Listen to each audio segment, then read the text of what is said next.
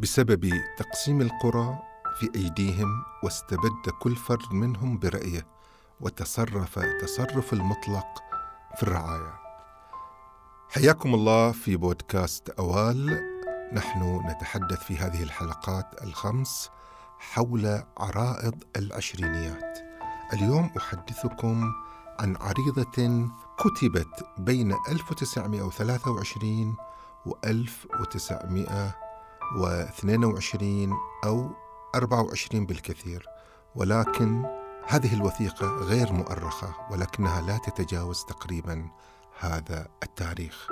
هذه العريضة كتبها عموم الوطنيين من شيعة البحارنة ووجهت إلى المقيم السياسي جورج نوكس.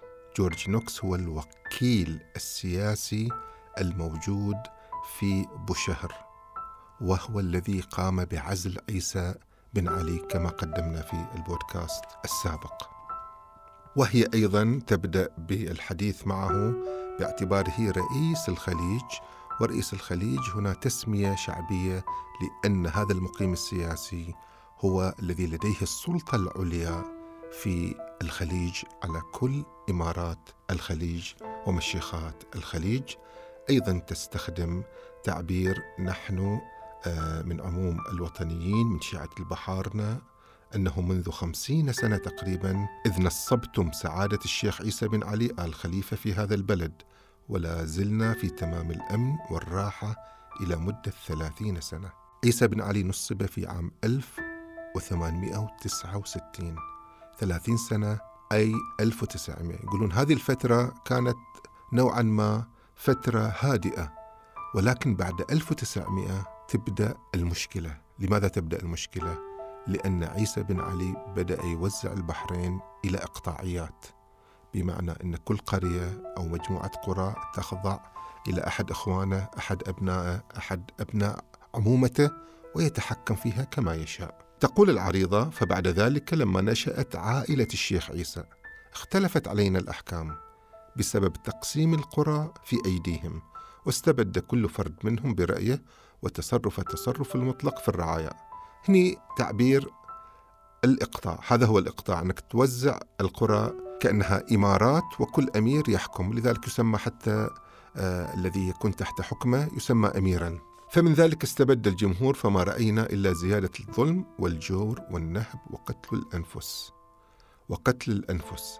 كابدنا ذلك سنين حتى ضاق بنا الخناق فاستغثنا إلى سعادة الشيخ عيسى بن علي ولم نرى منه يعني كما تقول الوثيقة أو العريضة إلا عدم الاقتدار على أولاده وبني أعمامه ومن يتعلق عليه لم يستطع أن يتحكم فيهم. آه لنقل أصبحت الدولة في نظام إلا حكم أو الدولة تخضع إلى حكم ذاتي في كل جزء منها. وقد زادت علينا المظالم إلى عام الماضي فرجعنا إليه و ذكرنا له المظالم كما تقول وأيضا يقولون لم نجد القدرة منه.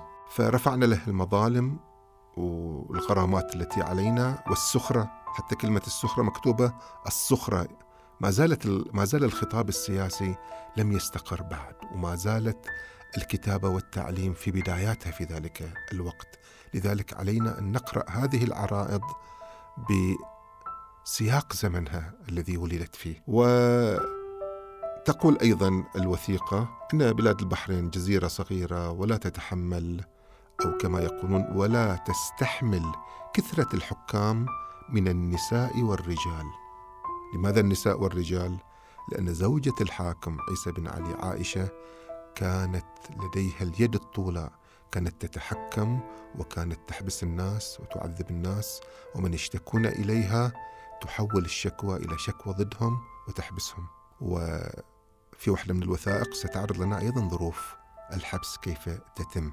وهذه زوجة الحاكم كانت تريد أيضا عزل آه، حمد ابن الحاكم لأنه كان قد جاء بعد هذه العرائض جاء كمنقذ إلى البحارنة آه، جاء لينفذ شكل الدولة الحديث الذي أراده البحارنة وأراده الإنجليز. ويقولون علمنا ضعفه وعدم اقتداره أي الحاكم عيسى بن علي لأنه كبير السن جدا وهو عاجز عن مباشرة الأحكام وتنظيم البلد.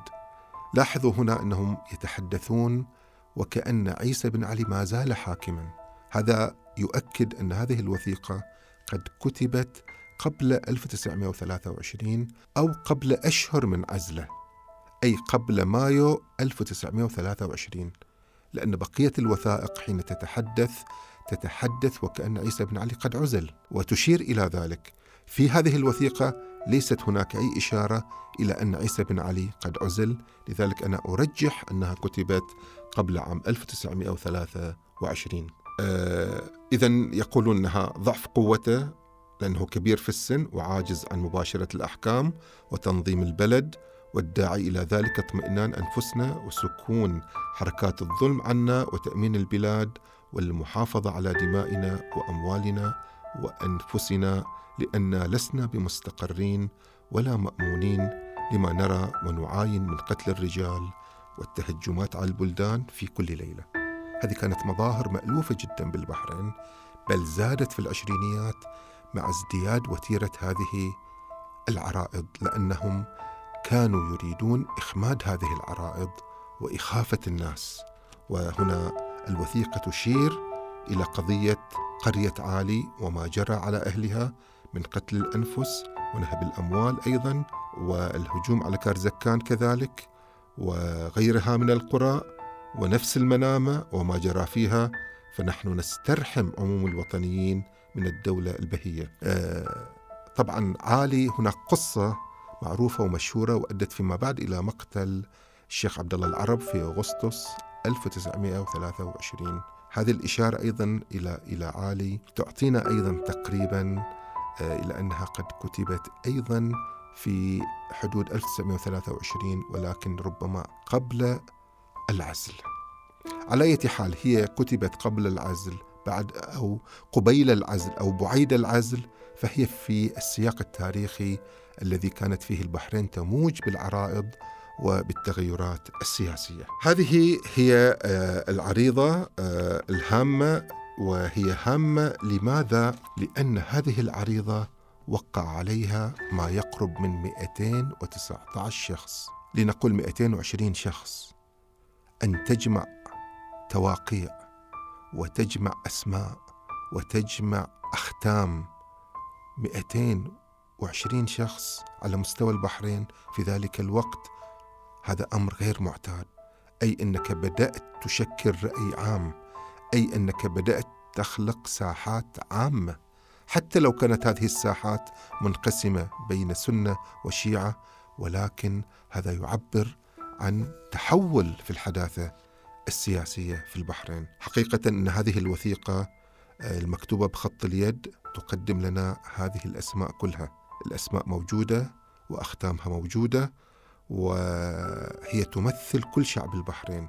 في مقدمة هذه الأسماء الشيخ حسن الشيخ آل ماجد وهو المعروف بديك العرش وكان له دور نشط وكبير في الحراك السياسي في ذلك الوقت وكان هو المتحدث المعتاد عادة في المعتمدية السياسية ويمثل صوت البحارنة في ذلك الوقت. كذلك عندنا عبد الرسول بن رجب واسمه دائما حاضر في كل الوثائق. ولدينا كذلك عبد علي بن رجب واسمه أيضا دائما حاضر في الوثائق. ولدينا أيضا الحاج حسين بن الحاج محمد المدحوب واسمه غالبا حاضر أيضا في كل الوثائق. هؤلاء شخصيات تجارية وبحرانية وشيعية وكانت مهتمة بالشأن العام وكانت مهتمة بإحداث تغيير سياسي ورفع المظالم عن الناس. اللافت في هذه الوثيقة هناك 13 شخصية من دار كليب وكل هذه الشخصيات وضعت اسمها وتوقيعها وخلفها من دار كليب. يعني هناك إصرار على إحداث التغيير هناك جرأة في ذلك الوقت. لأن هذه عملية مكلفة أن تضع اسمك وتضع اسم قريتك من أجل إحداث هذا التغيير السياسي.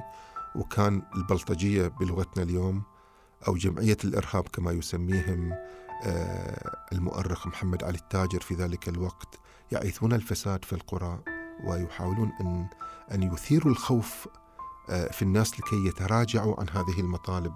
واحد من هؤلاء آه، الموقعين آه، من دار كليب الحاج علي هارونة من أهل دار كليب حاج خميس بن حرم من دار كليب حاج فردان بن حرم أيضا من دار كليب وحاج حسن بن جمعة وإبراهيم بن مهدي والحاج إبراهيم بن ثامر أيضا من دار كليب كلهم يكتبون من دار كليب محمد بن ثامر وحسين بن ليث وأحمد بن سلمان بن ليث وحاج يوسف بن إبراهيم وحاج أحمد بن صالح وحاج حسين بن علي بن جمعة وحاج كاظم بن حاج حسن وحاج يوسف بن حاج جمعة. كلهم وضعوا أسماءهم ووضعوا اسم قريتهم من دار كليب.